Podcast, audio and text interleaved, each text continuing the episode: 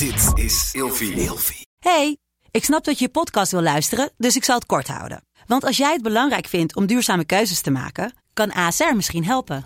Nou hoor ik je denken, hoe dan? Nou, bijvoorbeeld bij het duurzaam herstellen van schade. Of de premies die we beleggen volgens ons duurzaam beleggingsbeleid. Dat bepaalt waar we wel en juist niet in investeren. Wil je meer weten over welke duurzame keuzes ASR maakt? Ga dan naar asr.nl slash duurzame keuzes. ASR doet het. Zo, dan kan je nu lekker naar je podcast luisteren. Even kijken, ja, ze zeggen altijd het leven wordt voorwaarts geleefd en achterwaarts begrepen. Hè? Dat geldt ook in, mijn geval, dus ik kan er nou hele mooie verhalen over vertellen. Eh, ik kom uit een he- hele slechte situatie.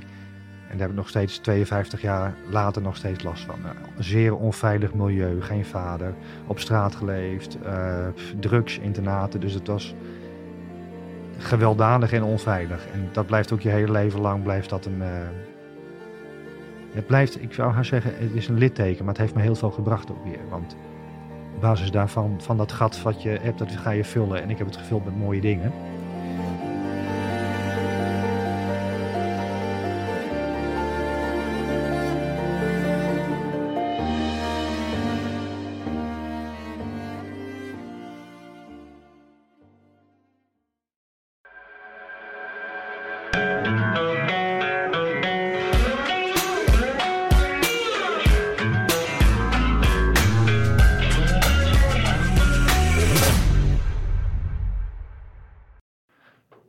Welkom bij een nieuwe aflevering van Scherpschutters. We hebben er heel veel zin in. Tegenover mij zit Erik Heijn. Correct. Tof dat je er bent, man. Ja, dankjewel. Een eer om hier te zijn. Ja, we hebben... Ik zie heel veel op eh, LinkedIn voorbij komen. En ik had op een gegeven moment... eh, zag ik dat jij dit boek hebt geschreven. Ja. Frontline... Frontlinie training, moet Ja. wel goed zeggen. Ja. Hier eh, even in beeld. Ja. Ja, toen dacht ik...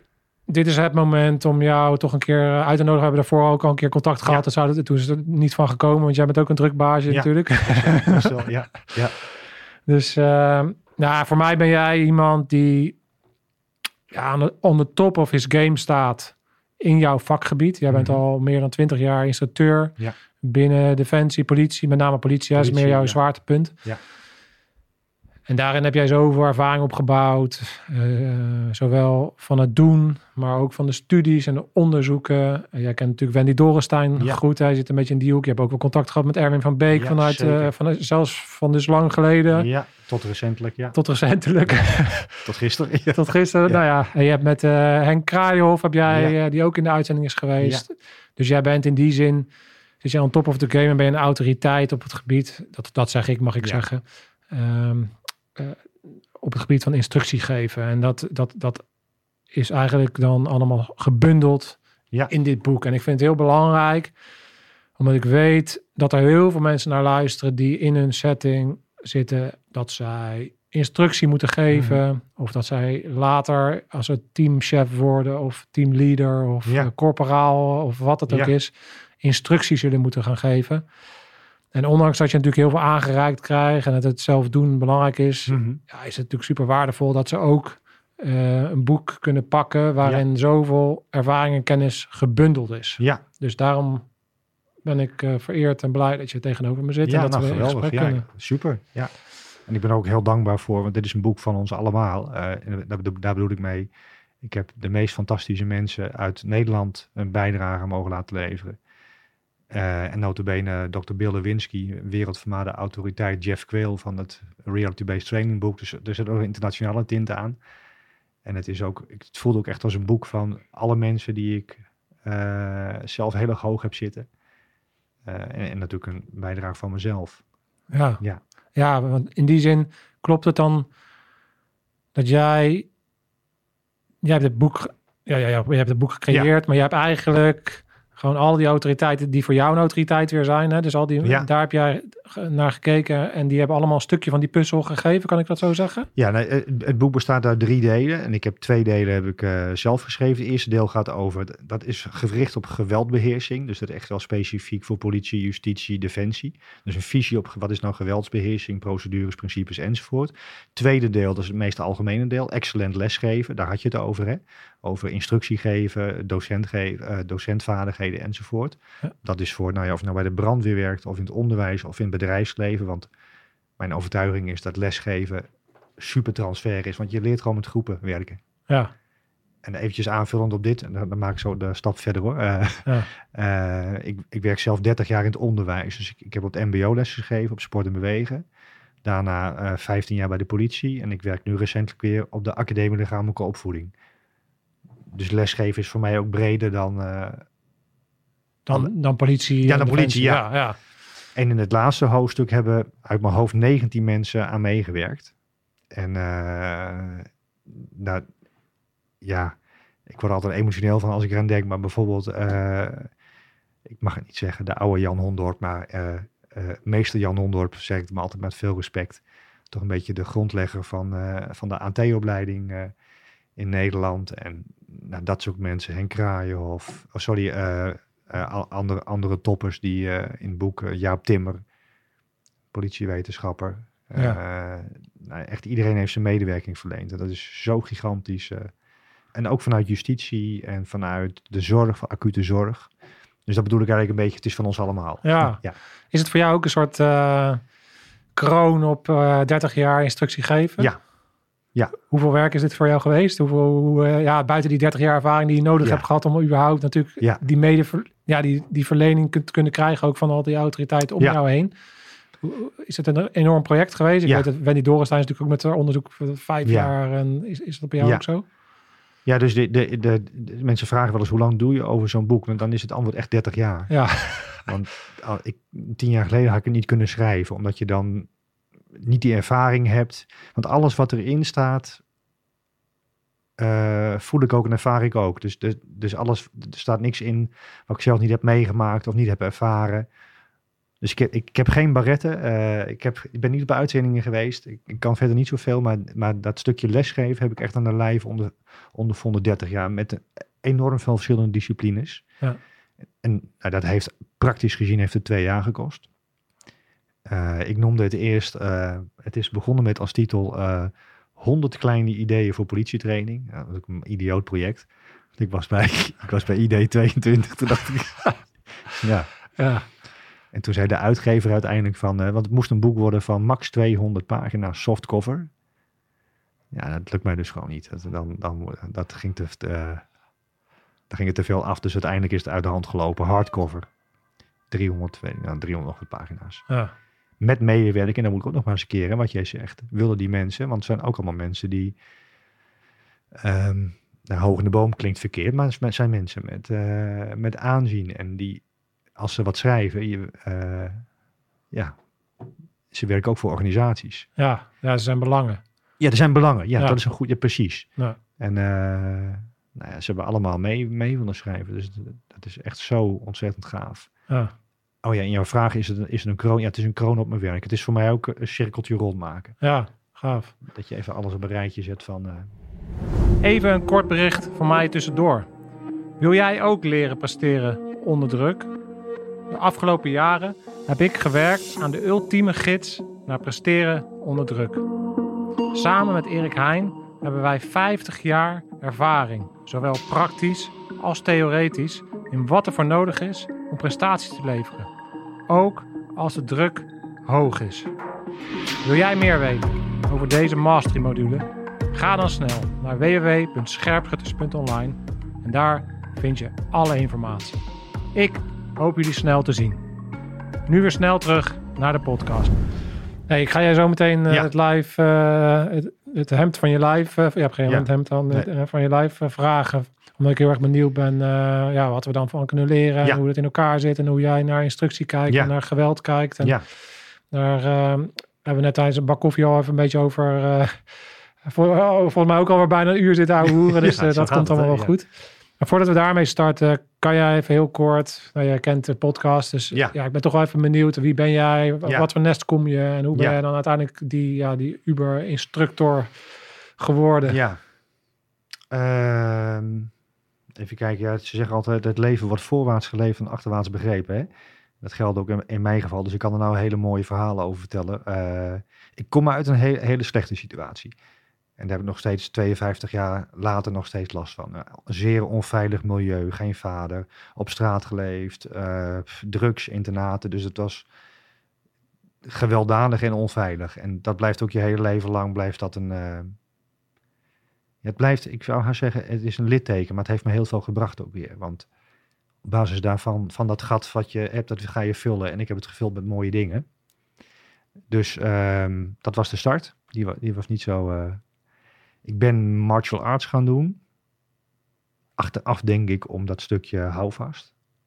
Zelf beschermen. Ik, had het idee van, ik moet toch iets eh, gaan doen wat ook weerbaarder wordt. Sterk, stoer. Dus ik ben in Friesland begonnen vanaf een internaat met karate. En nou, uiteindelijk heb ik mijn hele leven lang martial arts gedaan. Dat heeft, dat heeft zoveel, zoveel gebracht voor een jongetje wat eigenlijk opgegeven was. Daadwerkelijk opgegeven. Hè? Dus de omgeving geloofde er niet meer in. Er was maar, er was maar één route mogelijk. En dat is eh, Gevangenissen. de gevangenis in en dan... eh, dan maar ik wist altijd, deep down wist ik dat ik, ehm, dat, ik dat niet was. En dat, er dat, er dat ik wat kon. Alleen ja, het moet je ook een keer gezegd worden. En bij, bij karate begonnen. Daar, daar, daar werd mij duidelijk dat ik dus blijkbaar iets kon. Dus je krijgt positieve feedback.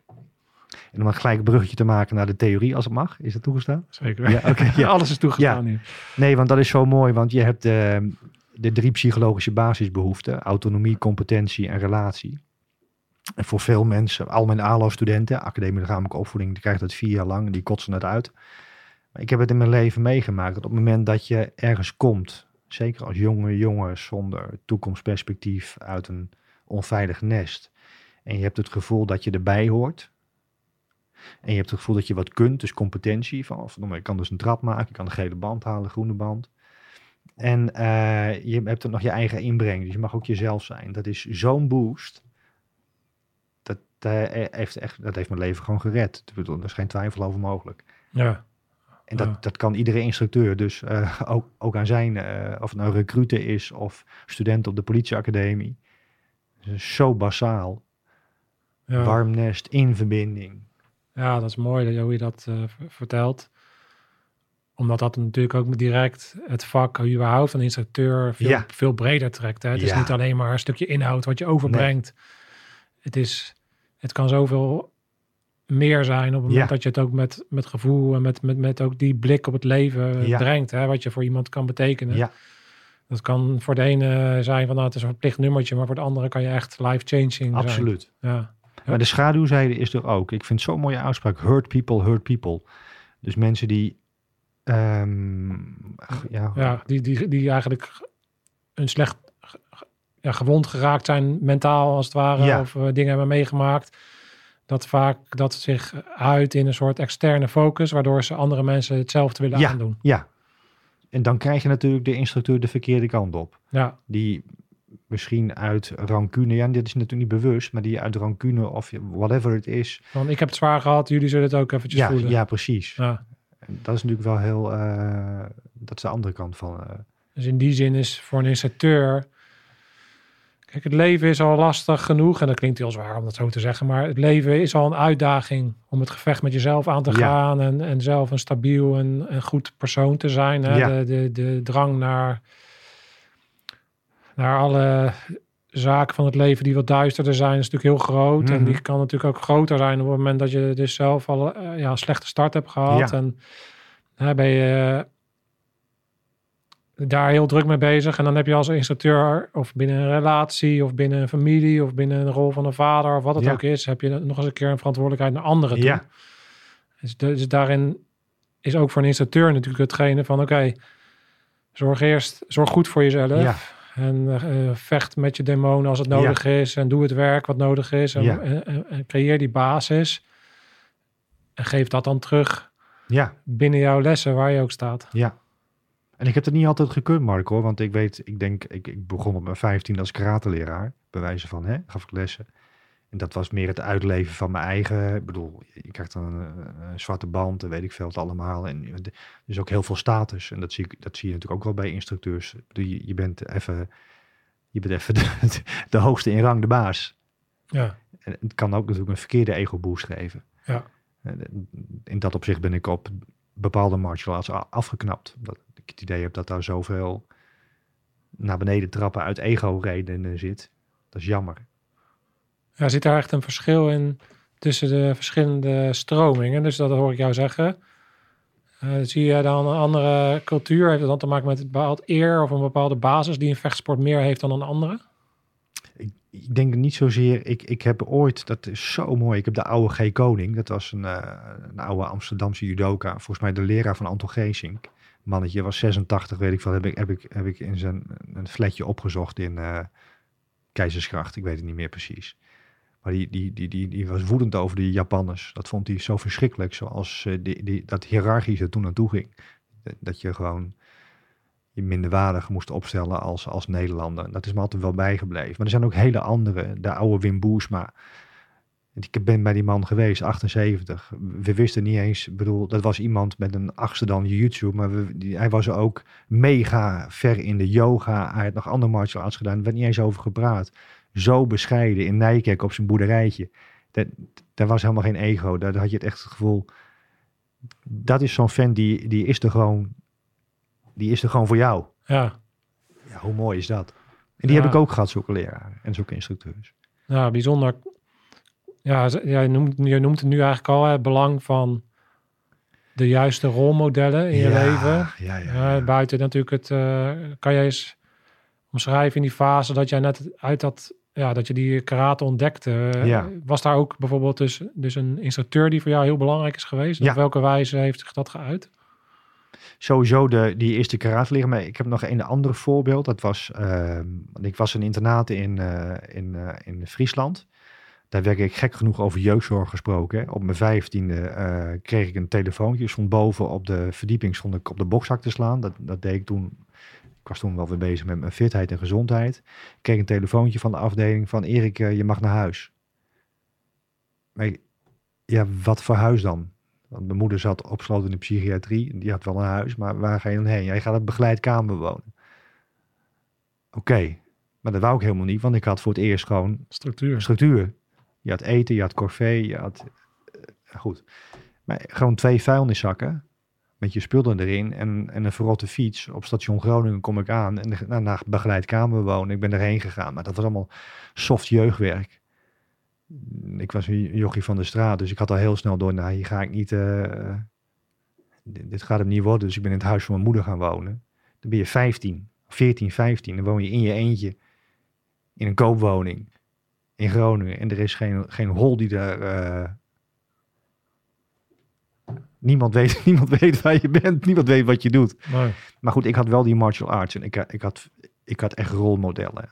En eentje is me altijd bijgebleven, Anne Beukema helaas overleden, uh, zaadbalkanker, was een militair, landmachtmilitair, een hele vierkante vent, trainen bij mijn Giro Gym uh, in die tijd. Dat is dus 30, 40 jaar geleden, dus dat is een hele tijd geleden. Pionier van het kickboksen. En Anne had een bulderende stem. En als je binnenkwam als jochie, dan was het al die grote hand ging omhoog. En dan was het, hey Erik. Dus hij zag je. Je kreeg een knuffel, je kreeg een box persoonlijke aandacht, babbeltje. Elke zondag deden we een rondje rennen Hoornse Plas met daarna, daar ging het mij om. Kopje chocolademelk en dan zat je lekker te... En dan, dan had je het over wat hij dan deed bij Defensie. Ik weet allemaal niet wat hij... Maar daar ging het helemaal niet om. Maar dat was zo'n ventje. Er zat geen ego bij en was zo'n rolmodel. Eh, mijn overleden leraar Jan Kallenbach, een bekende naam in de martial arts wereld. Op zijn plekje zit ik nou op de ALO. Uh, ja, precies zo. Ja. Gewoon mannen waarvan ik dacht, ik had ook geen, als je geen vader hebt, misschien zijn er luisteraars. Ja, dan wilde ik een beetje vragen. Ja. Van, is dat ook iets geweest? Ja. Als je het hebt, ben je er altijd naar op zoek geweest, ja. naar een beetje dat vaderlijke gevoel. Ja. ja. Tot, en, tot recentelijk. Ik had uh, recentelijk een, uh, ik weet eigenlijk niet meer, een gesprek voor mij met Jan Slijver van Justitie sportpsycholoog heeft een mooi boek geschreven ook. En de oud Aloer. En we zaten op de Alo te praten. En we zeiden tegen elkaar, ja, de, onze goeroes zijn weg. Die, die zijn aan het uitsterven. Dat, dat zeg ik met een glimlach. Maar het is ook, het is, ja, als je ouder wordt gaan de mensen weg. Dus je schrijft zelf op in die rij. je schrijft zelf naar voren. Maar dat, dat was wel, dat had ik wel nodig als jonge jongen. Ik moest er ergens een beeld hebben van, en zeker als je geen vader hebt, wat is dan, wat, wat wordt er van je verwacht? Wat is dan een man? Eh, zeg het maar. En dat, nou, ik zocht het, iemand anders kan het bij Defensie zoeken natuurlijk, maar ik zocht het in de martial arts. En Kallenbach, dat was, een, dat was in zijn tijd 110 kilo spier. Die alle wildse avonturen in Japan eh, beleefde. Die Japanners stuurden hem ze vierde dan op, omdat ze geen zin hadden om de 100 man comité met hem te doen. Ja, zo'n, dat, dat, ja, dat heb je nodig. Ja. ja, mooi. joh. Nu jij een beetje in, in die fase komt dat je ook gaat opschrijven, Ja. ben je dan dus ook daar bewust mee bezig dat je die rol kan hebben voor anderen? Ja. En, en hoe uitzicht dat dan?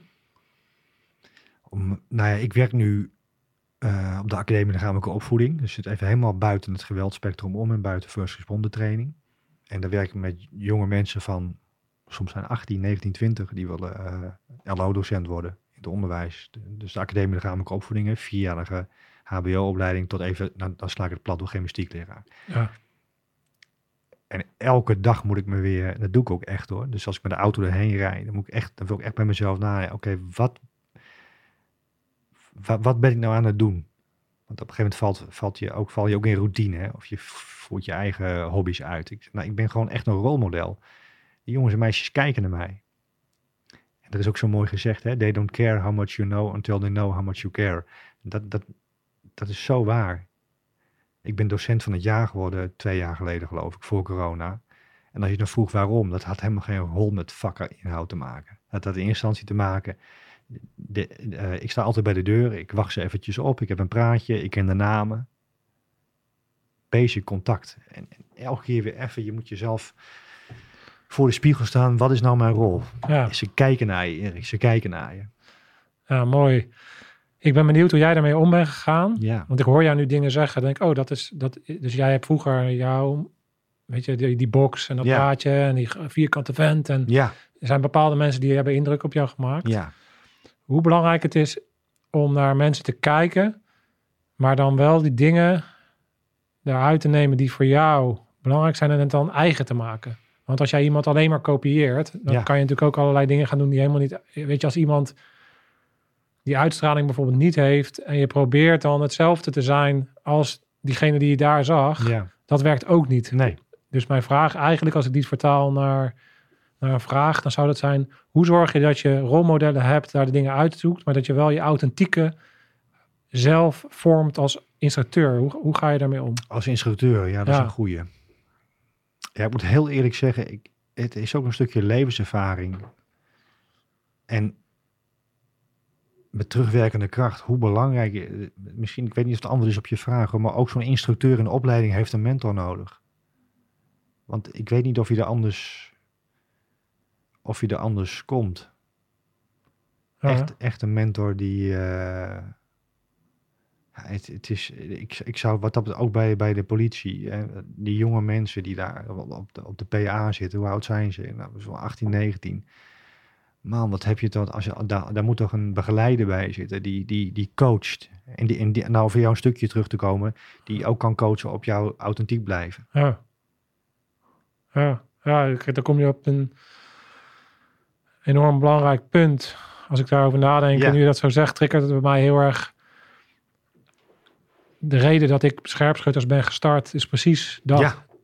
De reden dat ik het scherpschutters gestart ben, is omdat toen ik twintig was, ook met, met precies, dat zei je ook zo mooi, hè, met terugwerkende Ja. kracht, heb ik de wijsheid dat ik denk, oh ja, Ja. weet je, wat ik daar miste, was voor mij, ik ben een man, eh, dat, dat, dat mannelijke mentorschap. Ja. Een beetje die iemand die mij op dat moment, weet je, uit mijn dingen kon trekken en het in een groter verband kon, Ja. kon zetten en eh, die rust kon geven van Ja. het komt wel goed en Ja. doe, doe deze dingen goed en dan kom je er wel. Hè, dus echt, echt zo'n mentorrol heb ik gemist. En toen dacht, toen de podcast in 2016 volgde ik Joe Rogan en toen zag ik, hey, dat medium is perfect natuurlijk om mezelf, als ik 20 was, Ja. of ik, ik, ik, zie dan iemand die eh 20 is of, of 25 is, maakt niet uit, Ja. weet je wel, maar in, in bepaalde, en die dan hier eigenlijk aan tafel kan zitten Ja, met iemand zoals jij die 30 jaar ervaring heeft Ja. en, en gewoon kan horen, oh ja, en, en dat, dat is ook een stukje mentorschap eigenlijk. Ja. Dus dat is wel grappig dat je dat zegt, dat ik, ah, dat, dat eigenlijk in Ja. de core ligt van scherpschutters. ja. En nou, even complimenten voor jou ook, want dat, zo, zo zie ik het ook echt. Want ik zie het ook aan de, aan de taal die je gebruikt. Je, je, je, doet, je sluit er ook, als ik het goed heb, bewust aan. Dus je denkt erover na, over wie je, wie je luisteraars zijn. Je probeert ze eh, goede informatie te verstrekken. Dus pure informatie, maar ook inspiratie. Ja, dat is natuurlijk werelds. Dat is, Ja, Ja. ja dat hoop ik wel. Dat En, dat, en daarom denk ik ook altijd van, dat is ook zo in de rol van docent. Dat is ook zo belangrijk. Ik zit soms met jonge luis, die, die, die zit ik na. Ik benoem even een zijpad, iemand- een een jochie van 1920, wat zwaar ADHD heeft. Dus die komt die hele opleiding door, want je kunt niet plannen. Dan ga je gewoon mee achter de laptopje zitten en dan maak je een planning. Je kunt het ook niet doen, hè. Ik word er niet extra voor betaald, staat niet in mijn functieomschrijving. Dat kan een politieinstructeur ook doen. En dat kan een defensieinstructeur ook zijn. Als je echte interesse hebt. ja. Ja. En als je dan zo'n ventje ziet groeien. Die tegen me, en dat ik dan volgens tegen hem zeg, eh, ik, zeg nou, ik heb ook zware ADHD, dus ik herken helemaal wat je zegt. ja, ja. En, u ook? Ja, ik zeg, u ook, ja. Ja. Ik ben te ver, maar ja, ja, precies. Dat ga jij, gaat, jou, ga jou ook lukken. Ja, ja dat, dat, dat- daarin is ook onbetaalbaar. maak ik, ja, je kan gewoon het verschil maken. Ja, Dat is het. Ja. Hè, zoals, zoals, zoals de generalist of de Ja. AT'er het verschil kan maken Ja. op straat of eh, bij een arrestatie of wat dan Ja. ook. Kan jij als instructeur het verschil maken in, mensen, in levens. ja. Ja.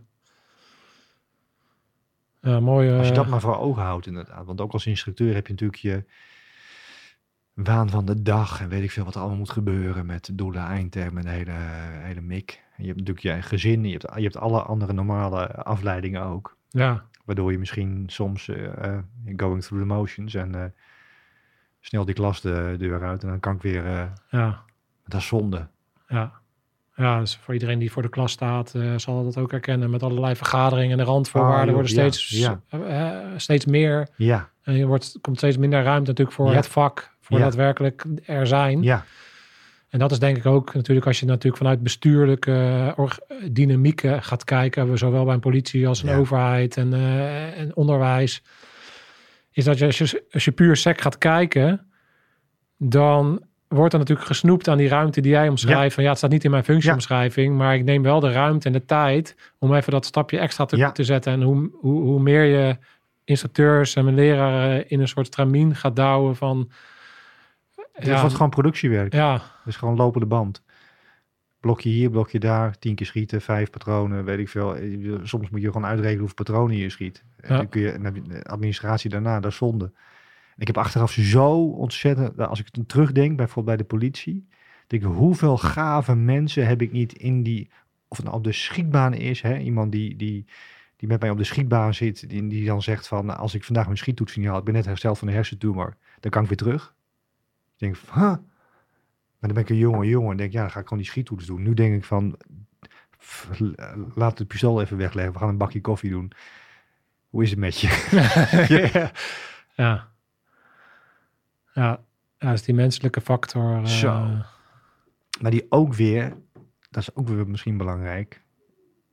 Ik weet niet of er aandacht voor is in de opleiding op dit moment. Maar een instructeur van 20, ja, dat is wel heel jong hè. Nou, Oké, laten we een instructeur van 25 pakken. Ja. Die zit ook anders in de wedstrijd dan een instructeur van 35 en 45. Dus ook daar. Misschien is dat ook wel ultiem mentorschap. Hè? Dat je ook kunt bedenken dat ik ben nu 52. En ik weet dat een jongen van 30 die vuurwapeninstructeur wordt bij de politie, of aanhouding zelfverdediging, die heeft dan nog andere dingen eh, te bewijzen. Ja, En ook dat moet je me gunnen. ja. ja, en dan kom je een beetje op het punt wat jij eigenlijk zei over mij. Is dat Ja. ik dus bezig ben met wie luistert ernaar. Ja. Dat ik daar probeer aansluiting te vinden. Dat moet je als instructeur dus ook doen. Ja, Je moet altijd kijken, oké, wie staat er voor me? ja, En als jij een 20-jarige bent en je hebt een aantal oudere dames en heren voor je staan en die hebben misschien een bepaalde uitstraling. We kennen denk ik, iedere instructeur zal Mhm. dat wel herkennen. Van jij bent eh, gretig en eh, je wil van alles eh, doen. Goed kijken, wat staat er voor me en hoe vind ik aansluiting en misschien moet ik iets aanpassen. ja. Zeg ik dat goed? Dat zeg je heel goed, ja. En ik denk dat het wel wat dat betreft moeilijker is voor de, voor de jongere, voor de, ja, voor de jongere instructeur dan voor de. Jij en ik hebben die fase doorlopen, dus we, we weten denk ik wel een beetje hoe het was toen je zelf 20 of 30 was. Althans, dat zou je kunnen inleven. Ja. Maar ja, als je net natuurlijk, eh, voor mij wat of je komt uit de operatie, of je vijf keer crossfit in de week, je hebt je schietvuurwapen docentdiploma gehaald, dan wil je natuurlijk gewoon rammen. Dan wil je lui hebben die, Ja, die opdrukken, schieten, rennen, vliegen. ja, Maar ja. toch zou het dan nog wel mooi zijn als je in ieder geval cognitief nog weet van, maar er zijn dus ook andere mensen. Die leven al twintig jaar langer dan jij. En misschien hebben die net hun is de relatie uit of hebben heel veel meegemaakt. Die zijn er wel een beetje klaar mee met. Weer wat hoepeltjes springen. ja, ja, ja, ja. ja. Ja. Ja, wat ik heel mooi vind aan de dynamiek binnen het Corps Mariniers, is de dynamiek wat ik ervaren heb, is de jonge pelotonscommandant. Mhm. Ik word opgeleid, ik ben een jonge, gretige rammer eh, in, mijn, in het prime of my life, Mhm. fysiek sterk, helemaal opgeleid en dan moet je 30 man gaan aansturen. Zo. En dan heb je de dynamiek van de oude sergeant-major. Ja. Dat is de ja, marinier die door alle rangen heen gegroeid is. 40, eh, de twee- 42, misschien 38, maar in ieder geval voor iemand van 20 heel oud. Ja, zo. Ja, ja dat is bijna dood. bijna twee keer zo oud. Ja. Ja, en die dynamiek eh, is toch een soort zoon-papa-relatie bijna. Hè? Dus de, de wijze man die eigenlijk het hele peloton runt. En jij als jonge officier denkt dat je wel even de toko komt draaien. Ja.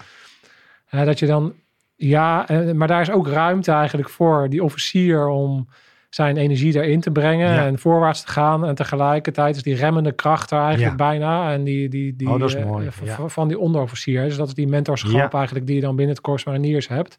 Binnen de politie is dat ook, ook aanwezig, weet ik wel. Ja. Uh, maar dan weer in een andere dynamiek Ja. natuurlijk. Uh, ja, dat, daarin is het heel erg belangrijk. En dat wordt op zich ook wel goed, vind ik, onderwezen in de opleiding tot uh, officier en mariniers. Mhm. Is van luister naar die, naar die mannen met de, echte, met de ervaring. Weet Ja. je wel? En dat moet ook wel een beetje, daar moet je echt voor openstellen. Ja. En dat betekent niet dat je je onderdanig moet opstellen. Nee, jij nee, moet nog steeds, jij, jij, uiteindelijk heb jij de verantwoordelijkheid. Ja. En jij, jij moet daar wel staan voor je club. Je moet dat ook wel uh, kunnen, kunnen uitstralen. Maar wat er ook gebeurt, weet je, zij weten het, ja, uiteindelijk weten zij wel hoe de wereld echt in elkaar zit. Ja, en zeker. weet dat jij, dus eigenlijk moet je weten dat je nog niet zoveel weet. Ja. En dat moet je niet belemmeren, maar, de, maar je moet het wel weten. Ja. Snap, Ja, nee, ik snap het helemaal zit een je beetje zo. Ja, ja, ja, ja. Ja. En ik heb in jouw podcast ook al mensen horen zeggen van... nou, we hebben die en die instructeur gezien. Ik herinner me Sander Aartsvel, ook geloof ik al in zijn boek... waarvan je dacht, nou, achteraf vond ik het toch niet mijn eh, meest ideale voorbeeld. Zo ga ik het niet doen. Dus die heb je ook. Ja. ja, nee, je moet leren van de goede voorbeelden Ja. en de slechte voorbeelden. Ja. ja. ja. Maar het is geen licht te nemen, het is geen licht, geen enkele functie waarschijnlijk. Maar zeker docentschap is natuurlijk wel, je, je, hebt- je hebt een grote invloed op veel mensen. ja. Ja, Ja. en het is verdomde makkelijk om eh, lui eh, het zelfvertrouwen te ontnemen in plaats van te versterken. Ja, ja. Ah, mooi. Nou ja, dat, dat, dat geven we aan hoe jij in de wedstrijd zit. Hè? Ja. Dat is een mooi eh, hoe, hoe- jij vanuit een hele slechte situatie eh, de karate hebt gevonden. En uiteindelijk in dat, Ja. in dat vak, want dat is het, een levenslang vak Ja. van instructeur, je ontwikkeld hebt. Laten we eens een beetje in gaan duiken in, ja, in de echte wereld, als het ware de geweldswereld. Waar je met name natuurlijk toch, denk ik, ook wel een stukje specialisme hebt zitten. Ja. Ja, kan jij eens ons meenemen ja, in, in, in die wereld? Van eh, oké, als je die twee dingen dan koppelt, koppelt de geweldswereld Ja, en het instructieverhaal, Ja. verhaal, waar, eh, wa- waar kom je allemaal tegen? wat kom je dan allemaal tegen? Ja. Nou ja, ik denk eventjes even beginnen met de aankomende instructeur of de jonge instructeur, beginnende instructeur.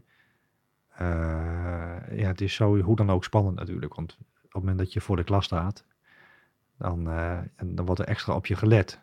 En dat kan best wel een druk geven. En, en zeker in bepaalde, bij bepaalde eenheden helemaal. Hè? Want dan, ja, ik, ik noem maar iets, eh, het, eh, het, het voordoen bij het schieten bij een arrestatieeenheid. Dus dat is natuurlijk wel, je kunt je, kunt je, je kunt je bij één keer permitteren om, om niet in het midden te schieten. Nee. Dus die geloofwaardigheid, maar dat is ook weer de druk die je jezelf oplegt. En ik heb die druk ook wel gevoeld, zeker als burger van buitenaf, hè, bij, bij dat soort eenheden, dat je denkt, godverdorie, dit is wel echt... eh, en ze testen doen aan alle kanten uit, dus je, je weet ik veel, je moet mee op hoogte. En als, als je bij hoogte niet in je broek kakt, dan, dan verzinnen we wel wat anders. Ja. Maar ik was net iets ouder, dus ik denk dat het wel heel goed is om te beseffen dat je jezelf en, en, en wees niet arrogant, stel je, stel je, ja, hoe zeg je dat? Stel je open op. Open. Hé hey jongens, ik begin net. Eh, ja, ik wil heel graag dit vak eh, leren beheersen en eh, ja, geef me, geef me feedback, gewoon kwetsbaar opstellen. Ja, ja maar daar is, daar is natuurlijk een soort eh, dualiteit zit daarin. Ja. Ehm, oh, sorry, ik moet even die... Ja. we zijn hier al veel te lang. Dan gaat dan, eh, had ik dan uit moeten zetten. Zie je? Oh ja. checklist. Ja, ja, ja, ja, ja. Oh. Ja, dat is wel leuk. Ja, we hebben hier, voor degene die luisteren, gaat dan dus de tv nu eh, uit. En we zaten aan het begin, eh, zaten wij natuurlijk van, eh, ja, bij mij is eigenlijk alles al een keer misgegaan. En ik heb inmiddels allerlei checklisten hier om alles goed, goed te draaien. En dan zie je dat je kan nog zoveel checklisten hebben en Ja. nog zoveel dingen hebben meegemaakt. Maar uiteindelijk gaan in de realiteit gaan de dingen nog steeds mis.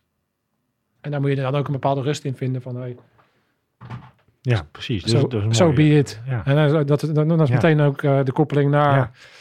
Ja. De dualiteit die daarin in zit, is ik denk dat je inderdaad niet op de flank moet zitten van... Ik weet alles Nee. beter dan jullie. Want Nee. dan kom je bij een arrestatieteam of een Marshof. Nee. Ja, dan ga, je niet, dan ga je niet goed En binnenkomen. ook niet bij blauw. Bij- overal eigenlijk niet. Hè? Dus ik weet alles beter. Dus dat is dat arrogante waar je over praat. Tegelijkertijd moet je je dus open opstellen. Ja. Maar je moet wel ook je eigen waarde kennen. Ja. En dat ook echt daadwerkelijk voelen. Ja. Want open opstellen betekent niet dat je minder waardig bent. Nee. Hè, dus dat betekent dat je, oké, eh, ik sta open voor Ja. jullie en voor de wereld waarin ik eh, les ga geven. Maar hey, ik heb mijn studie gedaan Ja. en ik heb misschien zelf niet die deur ingetrapt. Precies. Maar ik heb wel bestudeerd wat er allemaal gebeurt. Ja. En ik heb die kennis en ik heb op een ander vlak Ja, heb ik een enorme waarde die, ik, ja, die ik graag met jullie deel. En met jullie ook samen dat deel. En ja. is, is, zeg ik dat zo? allemaal ja, dat zeg je helemaal goed. ja. En eh, ik ben blij dat ik ook die route heb gekozen. De verleiding is best natuurlijk, zeker als je jong bent. Ik bedoel, dan eh, het liefst ga je dan natuurlijk mee. Dan trap je ook een keer een deur in of je doet iets stoers. En, eh, om, om maar, en dat, dat zie je trouwens ook wel. Hè, dat, eh, er is ook een, een mooi onderzoek naar gedaan. En naar specifiek dit gebied, het coachen van Special Forces. Hm. De grootste valkuil is, dus voor, voor lui die niet uit de Special Forces komen.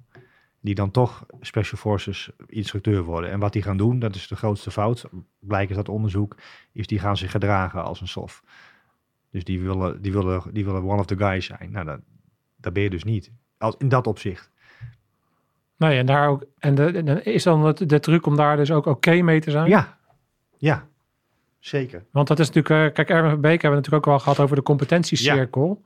En daar is natuurlijk een hele grote behoefte. Dat zie je bij Erwin heel duidelijk. Die Ja. heeft heel, heel erg die behoefte gehad om die, competent, die competentiecirkel rond te maken. Ja. En daarin heeft hij dus, weet je, meelopen met, met Ja. slots en, en, en ook die dingen zelf Mhm. doen. Om dan toch ergens die, dan die geloofwaardigheid of iets dergelijks, of wat draagvlak wellicht. Ja. Maar, dat, maar zit dat dan dus meer in je eigen gevoel dan dat dat realiteit het is? Want het onderzoek zegt eigenlijk het tegenovergestelde dus. Klopt dat? Ja, ik denk het wel. Ik denk dat het, dat het vooral de druk is die je zelf oplegt. Ja, ik bedoel, natuurlijk is het, het is altijd waardevol als je, eh, Als je ervaring eh, hebt, Als je eh, ervaring ja. hebt. En, en omgekeerd is trouwens ook waar. Ik bedoel, een goede operator kan een waardeloze docent zijn natuurlijk. Dus Ja, het gaat 100%. van beide kanten op. Maar gewoon weten waar je expertise zit. En mijn expertise zit, ik, dat, dat wist ik. Ik weet in ieder geval, ik wist in ieder geval dat eh, ik eh, de, de wedstrijd om kon zetten in training. Dus als, je, als jij mij kon vertellen wat jouw werk, wat jouw werk inhoudt, en ik Mhm. had er een beetje beeld bij, dan weet ik zeker dat ik een, dat ik een effectieve training van kan maken. Oh ja. Dat, en dat, dat, dat vertrouwen had ik. En, en eh, dan is het alleen maar, dat is alleen maar mooi. En dat is ook fijn dat je daarbij, dat je daarbij laat. Maakt het voor jezelf ook. weet, ja, ja, voor mij is het ook een beetje cliché, maar weet waar je expertise zit. Ja, nou ja. En, als, dat, dat, en dat, is mijn, dat is mijn meerwaarde. En ik heb ook de valkuilen gehad, tuurlijk. Ja. Dat je toch weer stoer. Mijn eerste, ik weet nog mijn eerste, wat was het nou joh? Eh noem het even uitje met AT, AT midden. Zouden we gaan een eilandje hoppen in Vinkenveen, als ik me niet vergis. Nou, dat was het. Dus ik vroeg nog aan de, degene die erover ging van, is dit een eh, gewoon, wat is de bedoeling? Is het, is het heel snel of eh, nee, gewoon lekker relaxed? Nou, het was 3, 2, 1 Pang! rammen. En ik dacht, ja, ik dacht, dit, ik bedoel, ik, ik moet nu niet, eh, als ik nu, als ik nu helemaal eh, niet bijblijf, dat, dat heb ik mezelf wijs gemaakt. Hè? Ja. Dan, eh, dus ik verzoop ongeveer in, in, in dat water. Maar ik wist dat er eentje, dus ik hoorde eentje eigenlijk achter me. Ik dacht, dat is in ieder geval wat. Kan je die gewoon eentje bij, ja, maar-? Ja, achteraf ik wel een beetje waanzin. Ja, nee, maar goed, dan ben je dus ook, dat is, dat is ook dat, Ja, weet je, dan wil je dus ook gewoon je grenzen opzoeken. En dat Ja. is ook super natuurlijk om in die fase eh, Ja. tot je 35 zo'n Ja, beetje echt, precies. echt die grenzen op te zoeken en te kijken waar, wat doe ik wel en wat ik doe ik niet. En dan moet je een keer in zo'n situatie komen dat je in het water ligt en denkt, wat de fuck ben ik nou Ja, aan het doen? doen. Ja, ja, precies. Ja. Ja, toch? Ja. Nou, jij hebt het, eh, wat ik interessant vind, is dat jij dus inderdaad als instructeur dus die expertise kent en dat je Mhm. dus in staat bent om naar de realiteit te kijken en naar een training van te maken. Kan je soms uitleggen wat een goede training is? ja. Oeh, dat is, een, dat, ja, dat is een hele complexe vraag. Wat een goede training is. Misschien kan je me even in stukjes Ja. zakken of... Ja, misschien dat is ook een hele leuke vraag tegelijkertijd. Want wat ik, ik, ik refereer vaak aan onderzoeken, omdat ik hiernaast ook nog eh, mezelf beschouw als wetenschapper. Ja, niet dat ik erg op de universiteit nog werk, maar ik doe wel veel onderzoek. En ik, ik heb trouwens ook gestudeerd, dus voor- dat heb ik dan wel weer. Toch even die, eh die credentials eh, neerleggen. Even geloof, ja, voordat iemand zegt van ja, maar... Wie, wie is die eh, lamlul? Ja, lamlul die iets over onderzoek vertelt. Nee, maar Karate Kid. Karate Kid, ja. kara- Maar wat uit onderzoek blijkt is dat instructeurs, met name uit het, uit het vakgebied zelf, zich vooral bezighouden met de inhoud. Dus jij houdt toevallig van schieten, je hebt veel ervaring met schieten, dan ben je van schieten en dan, dan, dan, dan ga je dat gewoon doen. Maar los van het wat heb je ook het hoe en dat is de didactiek en dat is je ontwerp van je trainingen. Dus wat is een goede trainer? Dat is iemand, denk ik, die, eh, die zowel weet wat geschikte inhoud is voor die doelgroep. Nou zou je zeggen, ja, dat is hartstikke makkelijk, maar daar zit een groot hiaat. Dat is misschien wel leuk om op terug te komen. En dat je ook weet hoe je het overbrengt.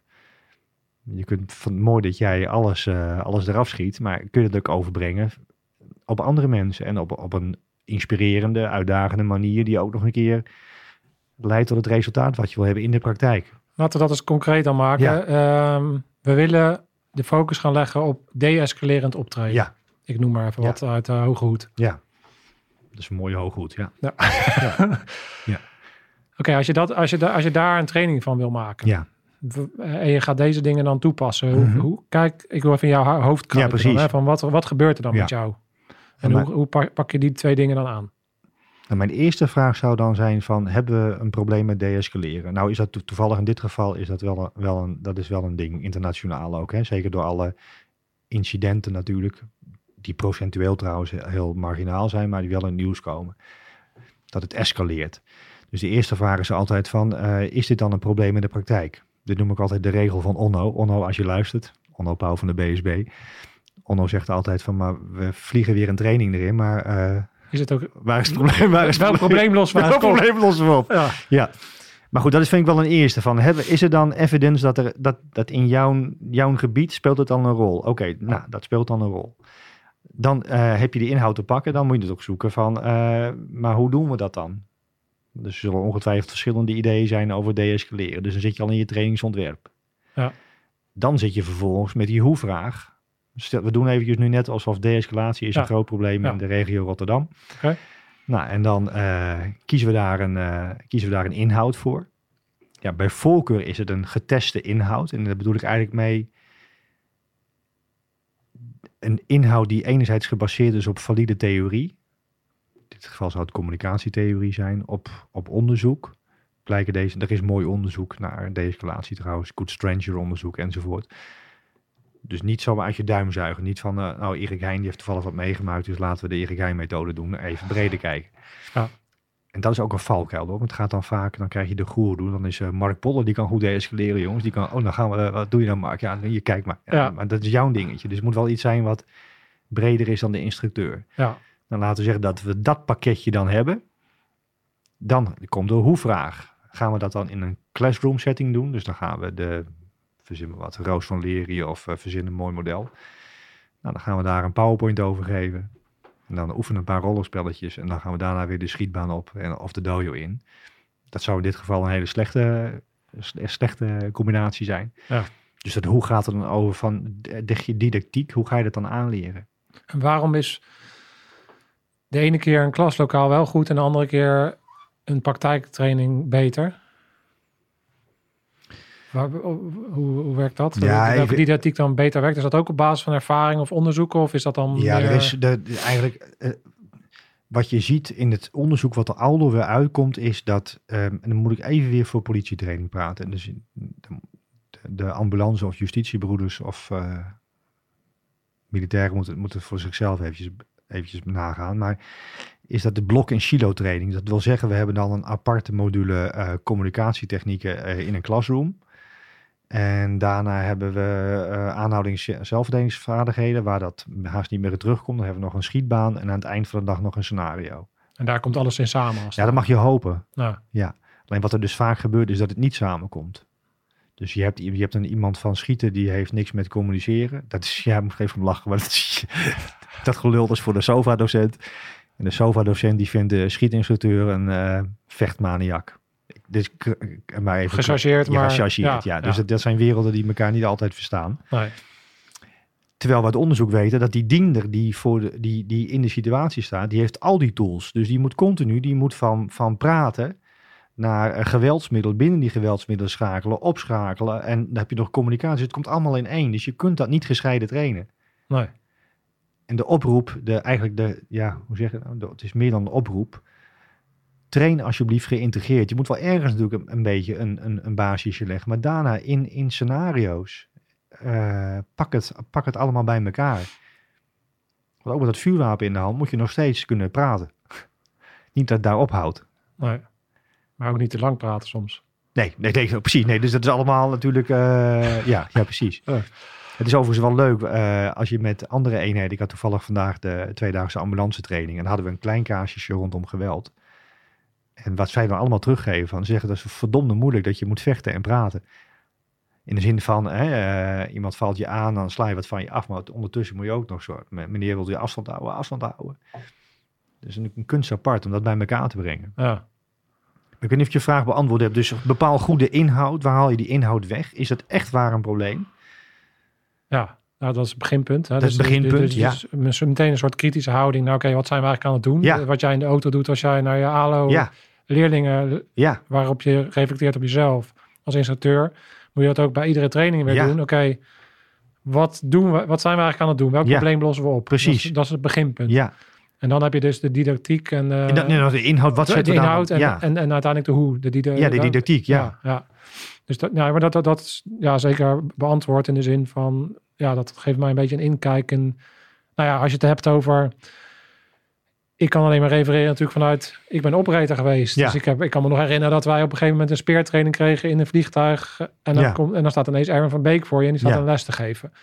Ja, dus het is heel interessant om vanuit meerdere kanten. Ik weet natuurlijk niet allemaal wat daar achter schuil Nee. gaat. Dus het is ook, eh, ook een soort stukje bewustwording vanuit Ja. mensen die les krijgen. Van, Ja. hey, we, weet je, we weten ook wat er allemaal achter schuil gaat Ja. en, eh, en hoe iemand dat aanloopt. En, Ja.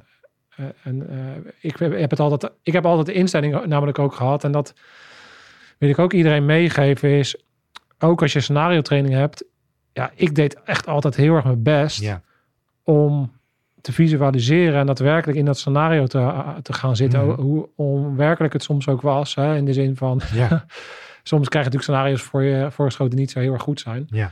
Dat, dat is ook de realiteit. Maar toch nam ik altijd voor mezelf zoveel mogelijk het inlevingsvermogen en vloog ik het aan alsof het echt was. Ja.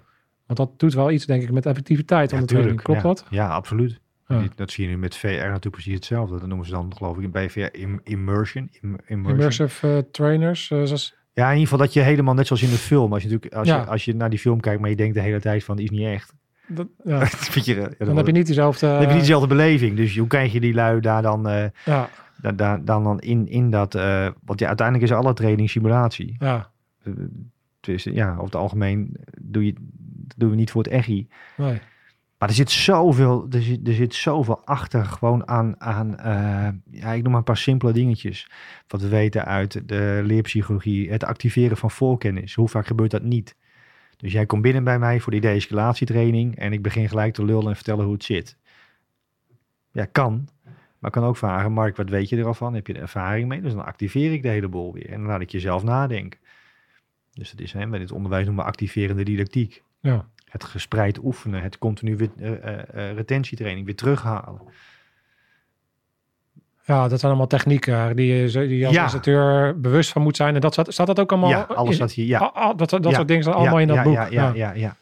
Ja. Dus eigenlijk zit er achter. Ik zou haar zeggen, ik neem als, als ik trainers opleid en in zekere zin doe ik dat op de ALO ook, want ze zijn allemaal de toekomstige docenten, dan vertel ik ze altijd wat er in mijn hoofd omgaat. Dat kan zelfs in een spelvorm zijn, maar dat kan ook op de schietbaan zijn als instructeur. Dat je gewoon je voor elke keuze die je weer maakt in dat scenario of die training zitten, zitten vijf, zestal keuzemomenten. Ga ik dit doen, ga ik dat doen? Ga ik dit doen, ga ik dat doen? Hoe pak ik dat aan? Ga ik differentiëren? Eh, Ja. Oh, mooi. Hey, als je kijkt naar de trainingen, ja. wat, wat gaat daar eh, niet goed? Bij de politie, wat is, wat is, wat is het belangrijkste punt wat jij, waarvan je zegt van oké, daar zouden we echt eh, Ja. meer aandacht voor moeten hebben? Ja, dat, het is een beetje cliché, maar de, het grote, grote struikelblok is natuurlijk de, de organisatie die, die te weinig trainingsuren faciliteert. Maar dat is een gegeven. En dat, Ja. eh, dus dat is bij de politie dan eh, vier, ik ben nu een paar jaar weg, maar ik neem aan dat het nog steeds zo is. Dat is vier keer per jaar.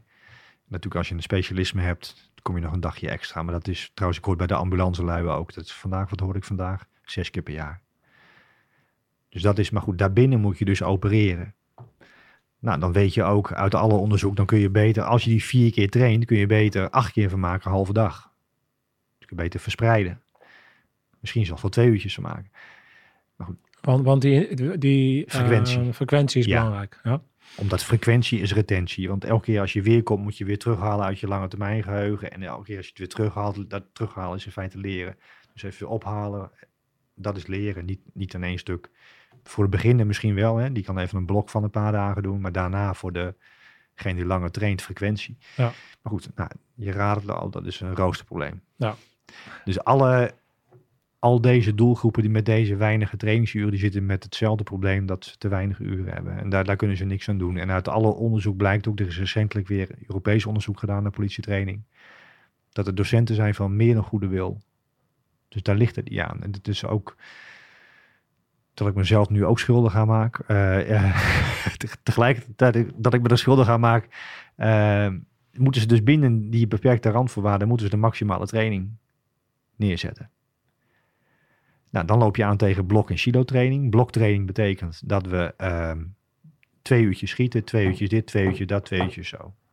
Dus dan maak je het echt in blokjes. En dan doe je, eh, doe je eerst doe je, eh, een kwartier handboeien, dan ga je naar een kwartier, eh, weet ik veel, wapenstok, dan ga je een kwartier dit, kwartier dat. Dat is voor een beginner is dat eventjes prima, maar daarna moet je zo snel mogelijk gaan spreiden van oefenstof door elkaar heen mixen. Dat is dus iets wat, wat je wel kunt oplossen. Dus je kunt meer, je kunt ook in de dojo, hè, als je in de dojo AZV doet of in de praktijk staat, aanhouding zelfverdediging doet, kun je er ook andere dingetjes bij halen. Ook communicatie en een beetje mix. Ja. Silo-training betekent dat we schieten, scheiden van praten. Waar staat het voor, Sido? Ja, silo, echt alsof je het in verschillende silo's, zuilen zou ook Oh, een ja. woord zijn. Ja, ja. Dus we hebben de schiettraining, we hebben de ja dus dan, dan worden echt skills als Pilaren, of eh, vaardigheden worden uit elkaar gehaald Ja. eigenlijk inderdaad. Ja, Ja. Dus dat is hier. Ja, oké, check.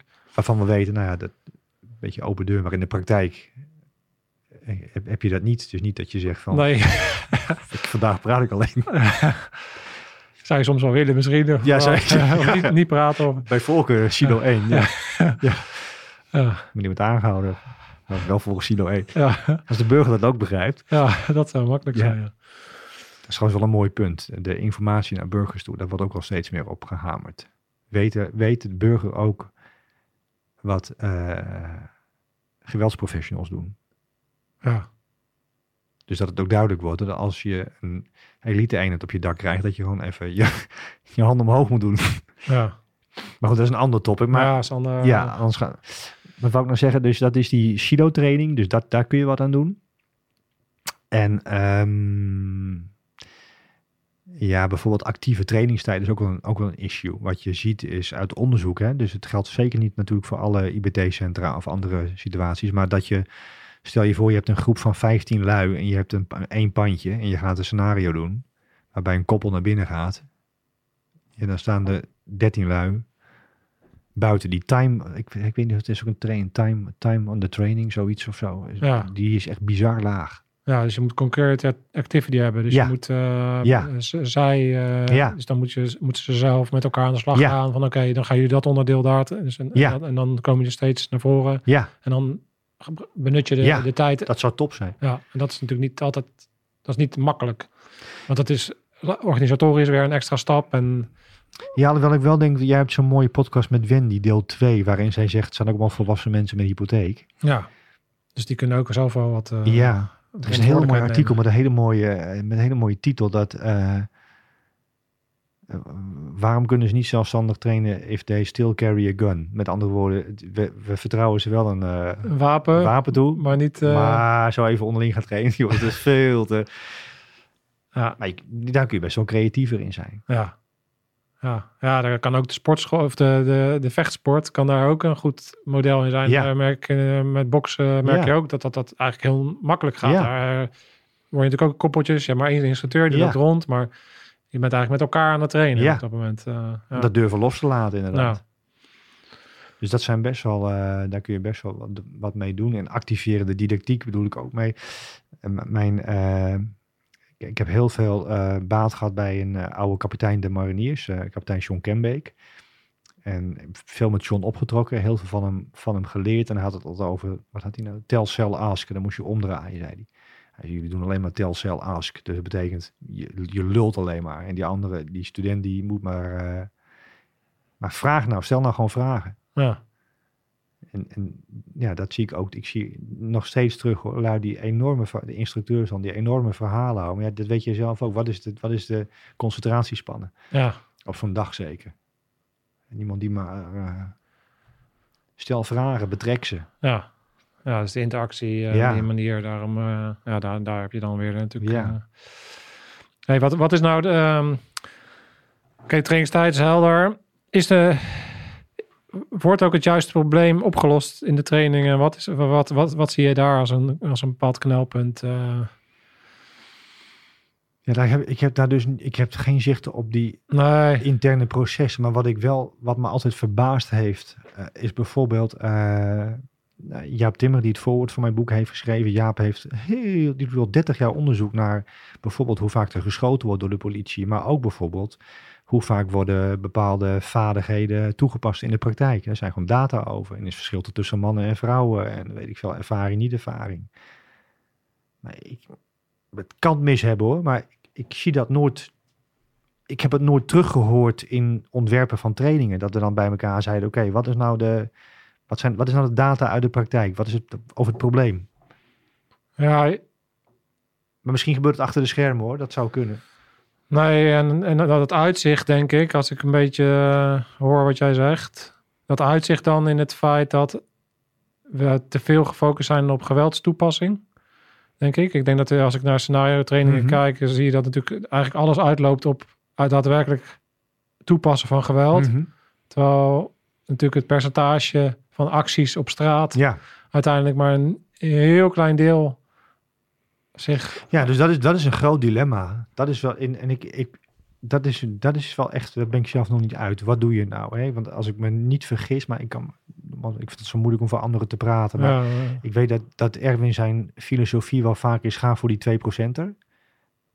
Die wel hele slechte intenties heeft. Want als je dan ben je altijd safe. dan ben je altijd safe. Want dan kun je ook. Maar goed, de, de andere kant, hè, het beroemde boekje Left of Bang van de eh, Amerikaanse mariniers.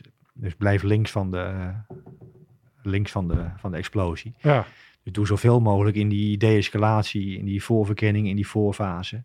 Ja, zodat het nooit tot geweld Ja, komt. precies. Dat is een Dus- beetje het verhaal wat ik altijd interessant vind, wat daar dan in zit als je dan weer over vechtsporten hebt. ja, Is dat je vaak hoort natuurlijk jongens die altijd alle in, in gevechten komen. Vervolgens gaan ze vechtsport doen en dan vechten ze nooit meer. ja, ja, Hoe kan dat nou? Dus wat gebeurt er daarin? ja.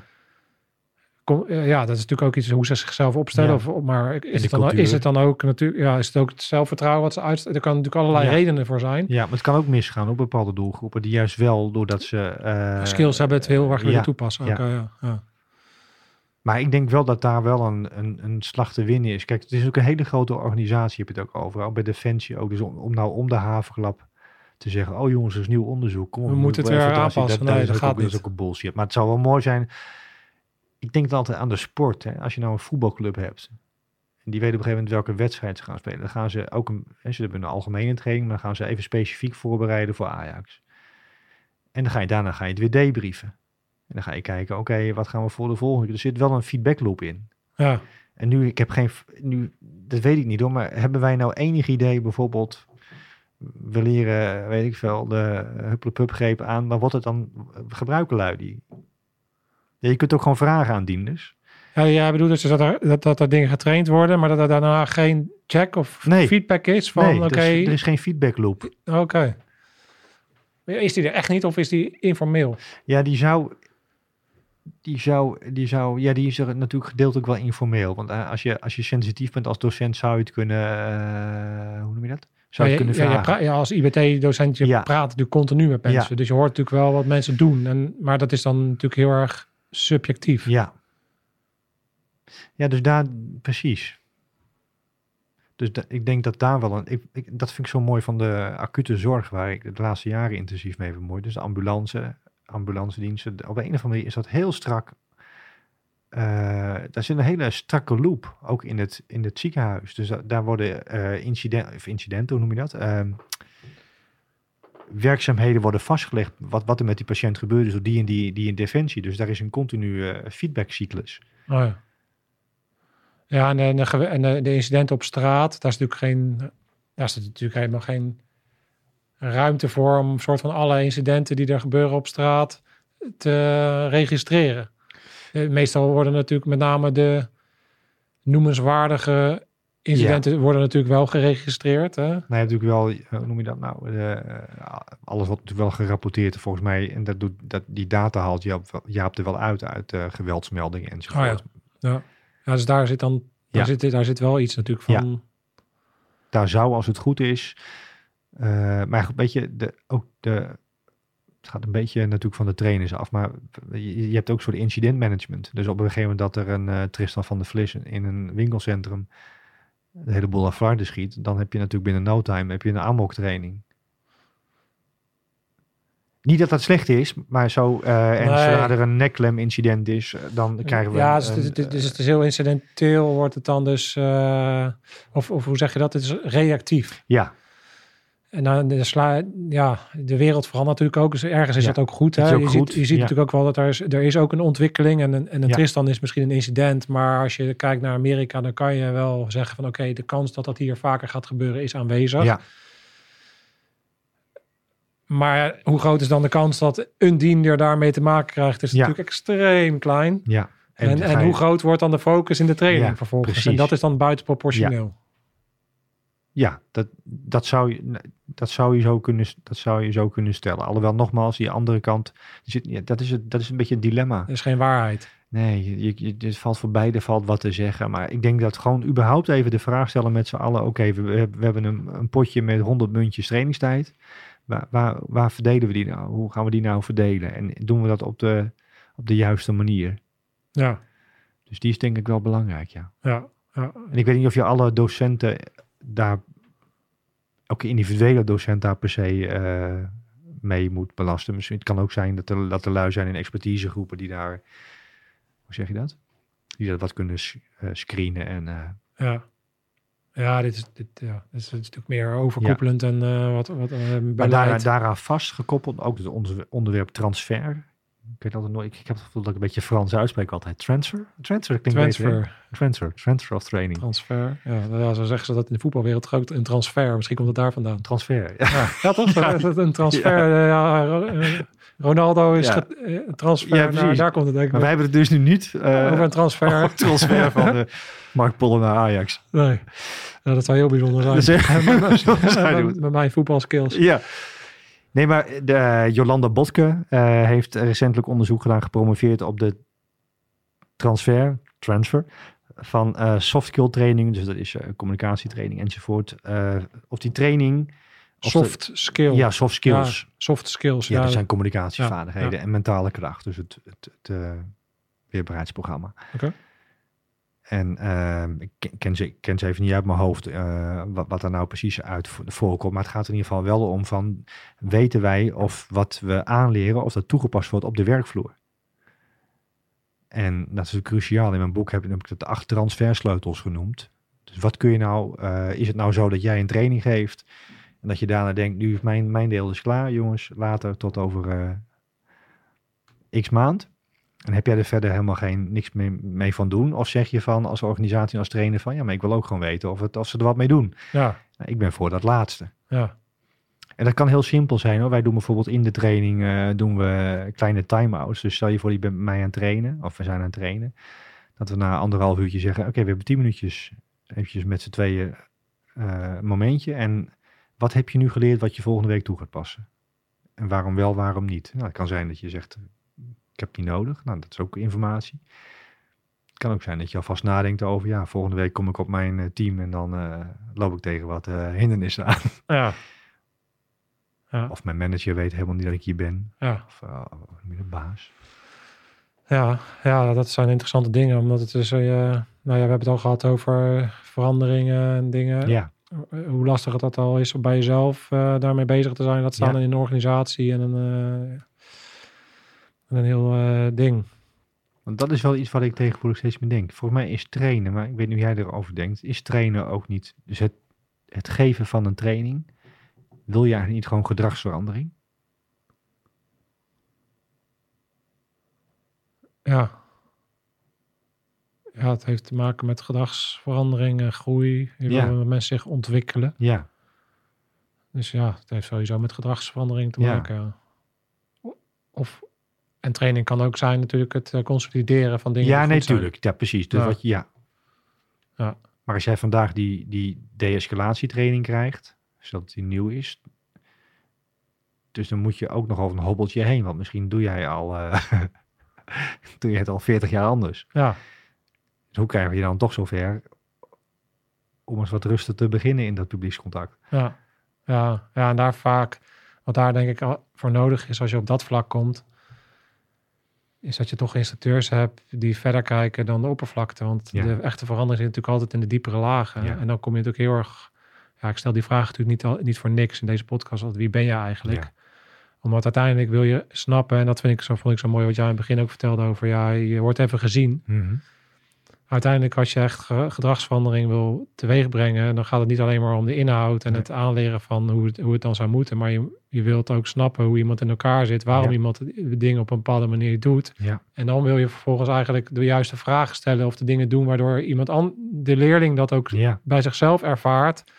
Want dan komt pas natuurlijk de, de ruimte om te zeggen, oh ja, wacht eens even, ja, ik heb het verkeerd gedaan, dat komt hier vandaan. ja, En als ik, maar ik, ik ga mezelf helpen en anderen helpen als op het moment dat ik het op een Ja. andere manier ga doen. Dus, dus daarin heb je die diepere lagen nodig. En dan heb, kom je weer bij hetzelfde, waar we het ook al vaak over hebben gehad, is ruimte van, Ja. voor instructeurs in het onderwijs, maar ook bij de politie. Ja. Is er nog wel ruimte voor die laag waar het daadwerkelijk Precies. om gaat, wat verder gaat dan alleen maar die inhoud aanbieden. Ja, en dan is de vraag, de antwoord vaak natuurlijk, nee, ja, dat is Nee. eigenlijk te weinig ruimte voor. Dus we zijn zo slachtoffer aan het worden van onze eigen systemen die we Ja. gebouwd hebben. En de- dat zie ik in de hele maatschappij gebeuren. ja. Vinkjes, hè? Ja, waarop, waarop gewoon hetgene waar het echt om gaat, de menselijk contact en elkaar, ja, dat verdwijnt natuurlijk steeds verder. Toen bedenk ik, ik las vandaag toevallig een mooi piramidetje. Het ging over kunnen willen vinden. Vond ik wel hele mooi. Dus dat kunnen is dat, dat op, dat, nou, niet, niet oppervlakkig, je hebt die skills nodig.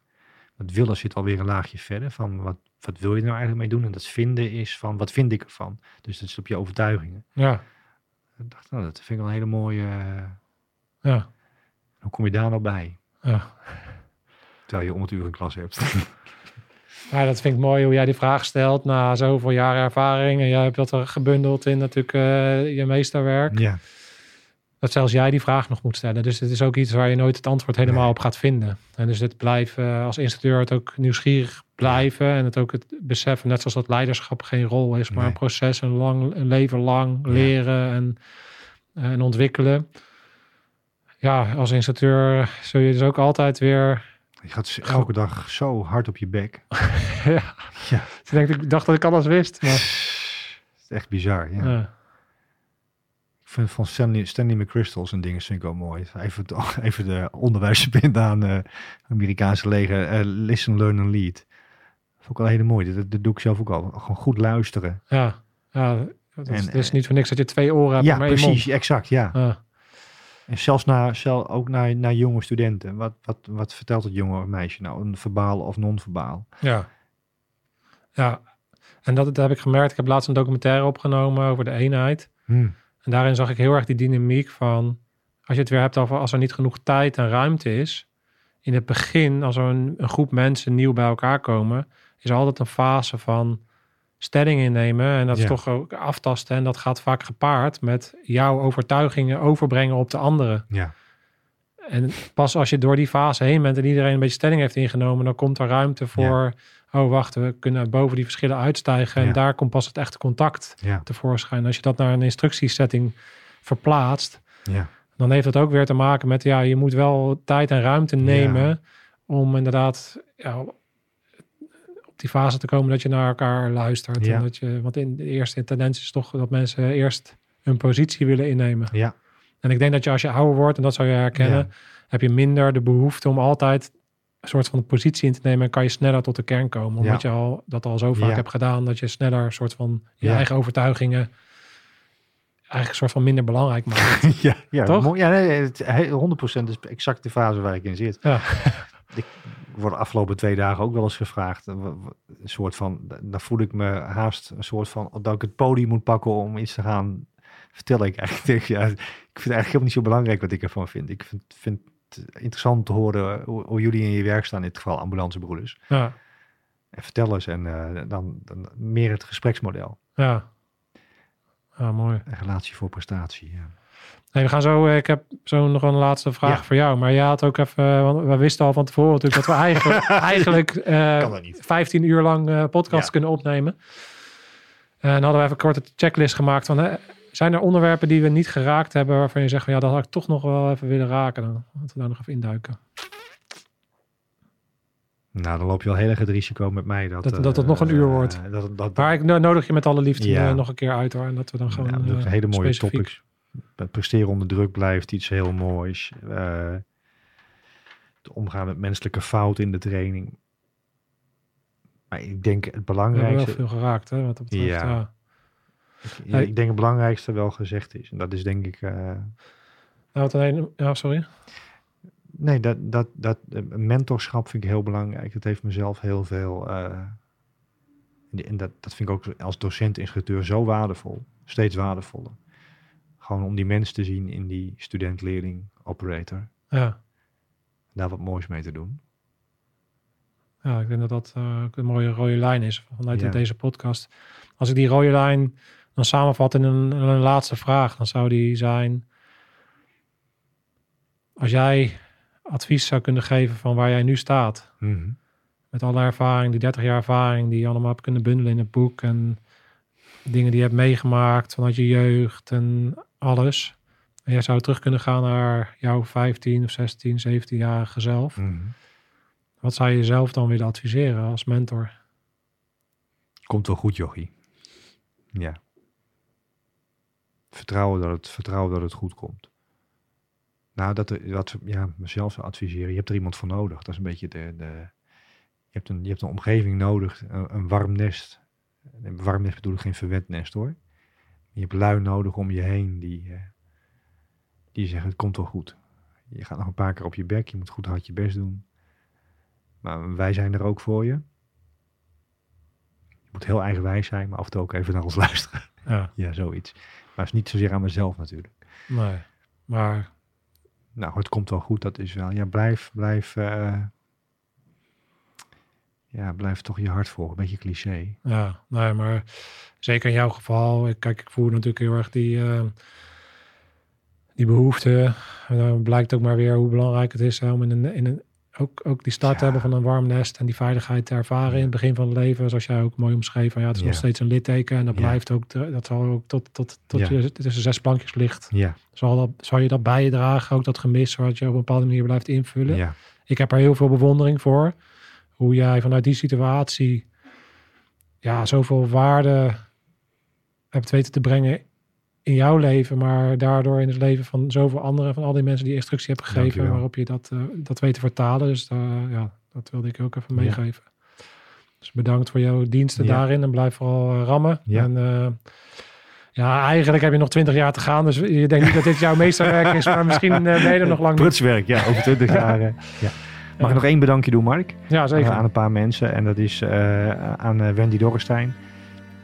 Ehm. Nou, gewoon omdat ik van jou. en ehm Jaap Timmer. Idem dito. Onno Pauw. Eh, Jan Hondorp. Godverdorie Jan, je hebt echt een moeilijke tijd. Zo belangeloos geluisterd en, en, en zonder waarde, zonder, ja, zonder waarde naar me geluisterd en aan me aangehoord. Dus dit zijn echt een aantal. Henk Kraaier natuurlijk ook. Gewoon hoe mooi, nou, als je het over mentors hebt. Dit zijn ook Henk, altijd klaarstaan, altijd luisteren, niet pushen, niet overtuigen. En de ruimte geven. Dus allemaal hartstikke bedankt. En jij ook Mark voor deze Dankjewel. Alright jongens, bedankt voor het luisteren. Bedankt voor die hier aanwezig zijn aan tafel. En ik hoop jullie bij de volgende uitzending weer te zien. Scherpschutters, uit. Ik ga Yeah.